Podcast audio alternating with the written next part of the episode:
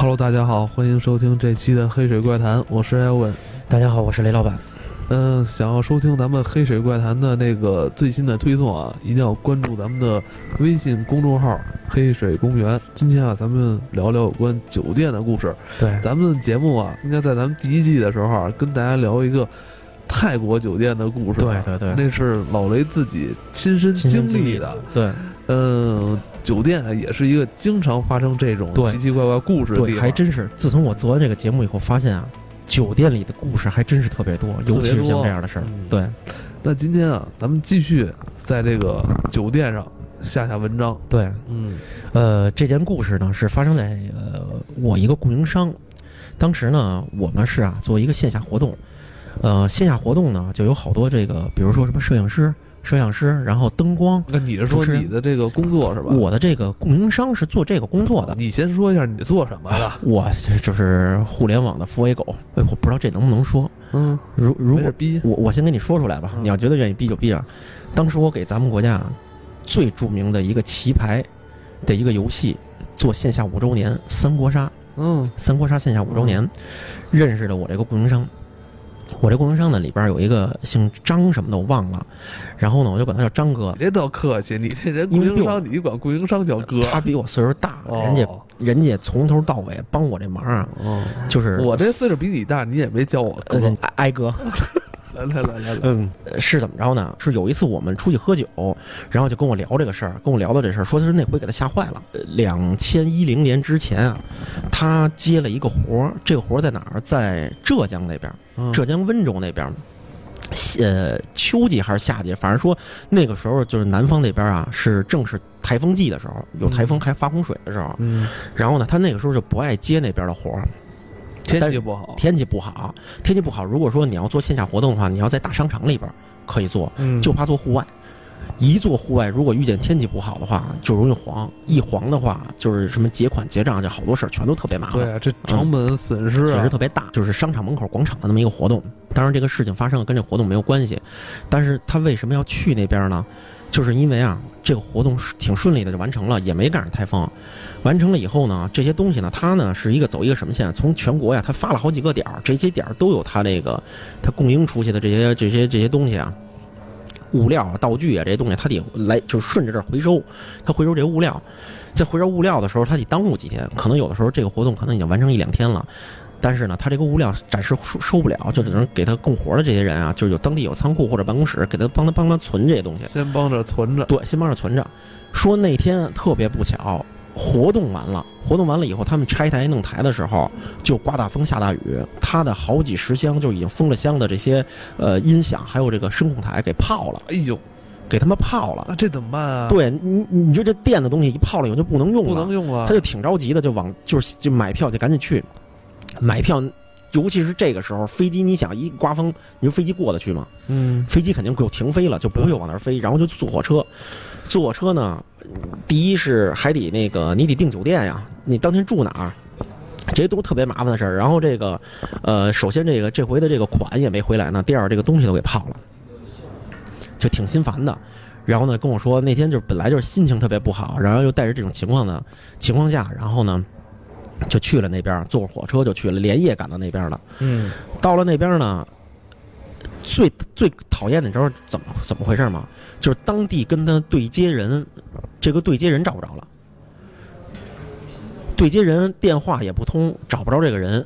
然后呢，场地呢，他现在又去不了，去不了，因为为什么？就是已经台风已经刮上了，然后水也那什么了，不知道这些东西都在哪儿了。然后对接人也找不着。然后呢，他呢就在网上就订了一家，不应该不叫酒店了，是小旅馆。订了一个小旅馆，订了小旅馆呢，人说那个我们现在这儿住不了，说那个说那个客房也满了，说那个要不然您再换别间吧。他说我来之前就已经订上了，你到我到了我这儿，我到了这儿你才跟我说订不了。他说您看我们这一层啊刚被泡完，然后这个水刚给弄出去，这一层都是潮的，然后本来客房就不够，然后我们人手也不够，客房还住着几个人，所以我们不想就接您这个接你。他说那不行，说我必须得住，我必须得住，我我没地儿住了，主要是因为我。跟我对接人也不在，然后我在这边也没人帮着我什么的，说必须住，说那您要住，那您就只能凑合住。他说凑合凑合住我也住，凑合住是怎么个住啊？凑合住就是你别嫌潮，太潮了，哦，太潮了。刚就就刮刮台风，然后一层给泡了给。哎呦，说太潮了，要因为那几个客人人家已经住下了，所以我没法轰人家。您这个我不愿意住，哦，他呢没办法，就就真的就将就的住在这儿，就是因为将就的住在这儿，然后出事儿了，出事儿了。出事儿来出的挺邪的。说他晚上的时候有多邪？有咱们之前那个酒店那故事邪吗？比那个邪，比那还比那个邪。哎呦，那个好歹在外头没进来，这个进来了，那好，那咱这是国产的，这国产的，咱这是国产的。是怎么着啊？晚上特别烦，然后呢，他也是上网啊，处理一些邮件，处理一些这些供应商的这些事儿，然后呢，他还是给那个人发了邮件，然后也赶紧联系联系联系他啊，也把邮件发了，就是说你你这种就你跟我，在这种情况下，我的东西还有我的物料都在这儿，你给我泡了什么的，我损失很大。然后出这种公司的这种正式的这种文件给他发，然后给他发微信，然后微信截图，呃，手机的短信截图，然后给打电话不接的这都给截图了，他怕日后有发生这种纠纷，啊，所以呢就这忙了一晚上，特别晚了，然后呢准备赶紧洗洗睡了，洗呢是这个他妈热水也没有。然后空调呢，他是跟我说啊说那天就开空调的时候，一开就一股特别浓重的霉味儿。嗯，然后他拿那手机往里一照，里边有双眼睛，里边有双眼睛，里边有双眼睛，我 操，眼睛倒没看见，要是看见眼睛的话就好了，全是发的那霉的那毛，哎，就那空调道里全是那眉毛，就拿拿那个餐巾纸，他那么一抹，他就把空调给关上了，说这得吹出多少脏东西来啊！哎呀，太他妈恶心了，说说不住了不住，咱咱咱走行吧？也也是，人家也说了不让你住，你非得住哦。咱这大晚上的也没地儿，也也没地儿走，拿着这些行李也没地儿走。晚上呢也就不洗澡了，不洗澡了，随便擦了它，没有热水，只有凉水，擦了它就躺床上，躺床上呢心里有事睡不着，有事睡不着呢是其是啊，这担心他那些音响的器材器材都在。挣才挣多少钱？对这东西全跑了。然后呢，晚上睡不着就听那个卫生间，就是滴的水，啊，就滴滴的水，滴的正好滴在底下那个，就是那个漏水口的那个铁片上，嗯，你知道吧？就啪就啪，啪啪，你本来心烦睡不着，嗯就听着那个声儿，啊，我操，更他妈烦了。更烦了，他过去把地漏那铁片给吃了。没有，他过去啊，就把那阀儿啊给关上了，就一看没关紧，哦不是关紧了漏水，没关紧漏水，哦又回去躺上去了。躺着呢，还是那声儿，他他他说：“哎呦我操！”他说：“我真是太烦了。”起来了以后呢，就又把那阀儿啊，又就又拧又就感觉这那阀儿就就是松的，你知道吗？就又使劲拧了一下，使劲拧紧了以后呢，就不滴的水了。他可能一松开呢，过一会儿自己又开开了。嗯，就来回来去，他四五次，哎呦，给他烦死了。最后一次，他拿毛巾啊，这么着一兜，给系上了。给系上了以后呢，等于这阀儿就系死了，就不滴的了。嗯不滴的呢，晚上呢，睡了，一直躺到两点多，嗯，躺到两点多的时候，两点多已经朦朦胧胧睡着了的时候，睡着了睡着的时候，你知道怎么着吗？啊！就突然哎呦我操！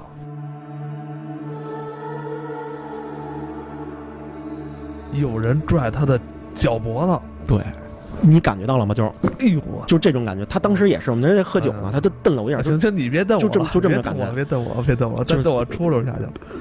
如果现在咱们现在听节目的听众，啊，你要不懂这种感觉的话，嗯就让你身边的，你让你老公，嗯。或者让你媳妇儿，或者你让你爸妈，你躺在床上使劲的攥你脚一下，有一个什么感觉？就跟这蹬一下，这底下有人蹬你一下似的。嗯，他攥住的时候是一下，他攥住的时候，他哥们儿正睡着，这是朦朦胧胧的，他就一下就醒了，醒了没有半秒，还没那什么的时候，就就就这个就感觉啪一下就给他蹬往下就蹬了。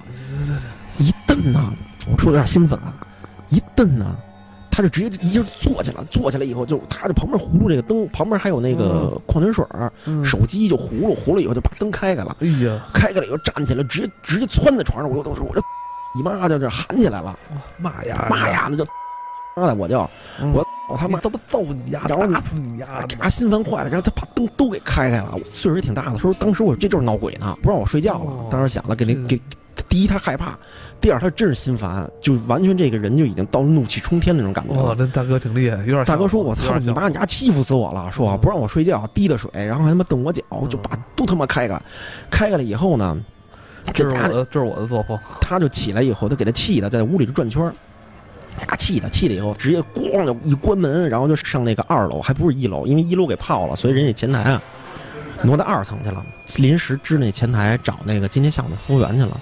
到了那儿以后呢，前台里边没有人，找不着人，他挨门敲，发现整个旅馆人都不在而，且不是人都不在了，确实是没找着人，找着谁？找着一个一层那个保安在呢，但是保安睡着了，保安旁边那还就是一看就是晚上那儿吃吃完饭还摆着瓶白酒，扒拉半天，那哥们喝多了。扒拉他半天，叫说他们你们服务员呢？说我要退房，我不想在这儿睡了。然后那哥们儿醒了以后呢，就给他翻手机，翻翻翻，然后又睡着了。然后他一身酒气，然后说他妈我跟他说话，大家就听不懂。然后他还说那个南方话更听不懂了，就跟他说我不睡了，就我他妈要退房，我不睡了。说你家这闹鬼，我操！嗯然后那哥们儿说说南方啊，也也听不太懂浙江那边的。然后呢，那哥们儿又睡了，来回来去也是我操，给他心烦的，就满屋敲。保洁总在吧？因为咱们有那个，比如退房、临时退房、退课的那个有保洁的那个屋。保洁找保洁，保洁也没法给他退房啊。就至他想的是至少他能够找着人。嗯后来敲了半天他这还是害怕了。对他，他他给他害怕，给他吓坏了，就他就特别想走，敲门敲保洁，保洁那门就是没有人，锁上了，不知道去哪儿了。嗯，然后没有办法了，他就拿着东西把门撞上了以后，他把卡呀直接扔在前台了，他连那个押金都不要了。下了楼，他就准备走。想走，后来没走，是因为在门口打不着车，而且外边都是那个有的地儿还淹着呢，就外边还有汤汤水水呢。他拉着行李在外头就走了两条街，后来实在没地儿去，他又回来了。回来以后，他发现他这张卡不在了，回来卡还在，哦，卡还卡还在，然后那那保安还在那个就那个沙发那儿，还那儿躺着睡觉呢，还在那打呼噜。然后呢，他又拿着卡就回去了，就他实在没地儿待着，他他妈又回去了。回结果一发现他推那房门，发现那个这被窝什么就让人叠好了。叠好了，对，等着他呢，对，那给他就在屋里等着他呢。回来以后呢，他要坐我屋里呢，就把电视都给开开了嗯，，看会儿电电视，看会儿看会儿电视，然后把灯都给开就这么着跟我说，他坚持了一宿，那也挺好的。坚持了一宿。第二天早上起来，他就跟人家说，人家都不信，人家不可能，说我们这不可能，对，然后呢不行，我们这人人说庙太小太破。说说我也不管了，说我也不管了，不管了。然后说那个我现在就走，然后把押金也退了，然后退完了以后呢就走了。走了以后呢，他还是找不着那供应商。后来他去了那个，因为他知道那个会场地点在哪儿。他去会场了，会场也没找着东西，然后供应商打电话呢接不通，然后呢，但是他他不是还有他有，呃就是还要往下收嘛，因为他这些好多那个就那个发出去的东西，他沿线收啊，嗯，他说：“要不然啊，反正这事儿也这么着了。说我先啊，去别的地儿去收收别的地儿的东西去，然后呢，找着他们的时候，我再我再我再回来拿，不完了吗？反正这肯定跑不了，因为公司都有对账的什么。嗯，他也着急，人人人家下家也催他了，说这个你得收这些东西了。他呢就坐火车打走了，走了以后说他回的是哪儿？杭州。到了杭州了以后，他一下火车就接到电话了，然后呢。人家呢说呢，说人家手机坏了，然后没联系到，然后邮件呢现在也看见了，说他这东西呢泡的不多，就泡了两三个音箱，然后没什么太大损失，人家好多东西都给他收下来了，然后呢款也给他打过来了，他当时就觉得他一下火车的时候，他跟我说，说我到了那儿的时候啊，就觉得就特别压抑，然后尤其进了旅馆，整个人人特别不好。说等我从那儿走了以后，一到了杭州，刚一出火车站他去那地儿是哪儿啊？是浙江的一个特别小的一个地儿，我还我还真忘了。他跟我之前特早说过一次，我还真忘了，反正是浙江省的一个地儿，哦别他妈闹不清楚，分地图上找不着这地儿。找得着，肯定找得得着肯定找得着，是一个特别小的人。他跟我说了以后，我没记住，特别小的一地儿。然后他说他到了杭州，一下火车的时候，哇，他就觉得嗯，瞬间就感觉又好起来了。好就在这个感觉过程中，人家来电话了，人家给给他给赔不是，然后说下午当天下午就给他结的账，然后钱也没损失什么，然后损失俩音箱，然后别的贵的东西倒是没有，没什么损损失。然后这个事儿呢，后来呢也就不了了之，他也就没去探讨谁那天晚上是谁瞪的他，怎么着的。嗯这就是冥冥之中啊，这个人都是有这种预感的。对对对，嗯，可能可能这个，反正我觉得还是以后大家出去住这种地儿吧，一定呃多加小心吧。反正但我在想，会不会因为他住的那个地儿太阴冷潮湿，然后可能也有被褥也潮湿可，能也有这种。然后怎么着呢？他会不会抽筋儿了？不，绝对不会抽筋儿。他说：“为什么我刚才我攥你一把呀？”他说：“你知道攥的这个感觉跟抽筋儿，这大腿抽筋儿是不一样。那天我也这么说的，所以他才转攥我一下了。所以刚才我攥你一下了。所以我让听众朋友们都大家攥一下。都大家都自己他说攥自己一下，他说攥的这一下是让他醒的这一下，蹬的这一下一下就把他火给他蹬起来了，完到完哦完全。他蹬这一下的时候，他浑身都吓毛了，他吧唧就给他站起来了。你想这一个人能从床上瞬间吧唧站起来，这是什么感觉？要我可能都醒不了，我睡觉死。死了，这扒拉你扒拉你半天，给人给给人都扒拉郁闷了，对也也没什么。对对对，然后这个，然后那天我还跟那个咱们一个网友还聊，嗯那网友也说，说他说的那个听到咱们之前泰国酒店的事儿，然后听说我这聊这个事儿，酒店确实不干净，不该去的酒店不干净。你之前我记得你跟我说你去的是苏梅岛吧？对啊，他说他就在苏梅岛，苏梅岛下度假酒店、度假村什么酒店。他说他晚上没睡着，一睁眼看见底下站一小女孩，哇家伙就起来了。起来以后给他朋友都吓都给吓醒了，醒了以后他在那儿哭，然后说大家都哄他，哄他，他就说他看见鬼了，看见一小女孩站在屋里，人说不可能，说我们都在呢，怎么可能啊？然后说那个说说那个说说我不可能是做噩梦，人说你是做噩梦了，然后你你可能做噩梦一醒，可能没反应过来。他说不可能，后来他跟我说，他当天就一直没睡着，不可能是做噩梦。嗯然后呢，说第二天就收拾了，就就直接就这这几天都没玩，直接回国了。说可能也是进了这种不干净的酒店了。胆儿太小了，我太小了，我我觉得要是我的话，我也会这样的。该玩玩呗，你大不了你骂他呀，对吧？哎，反正我跟你说，大家不要怕，这东西伤不了你。对，我觉得也是。我跟你说，它伤不了你，它它顶多也就出来让它给你制造一个幻象，吓唬吓唬吓唬你，你该骂他骂他嗯。对，人是不会怕这种东西的。大对我觉得家不要害怕。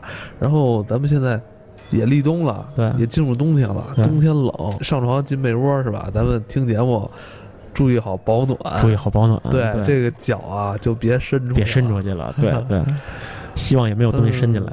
行，嗯，今天咱们这期节目就聊到这儿，就聊到这儿，祝大家晚安。晚安。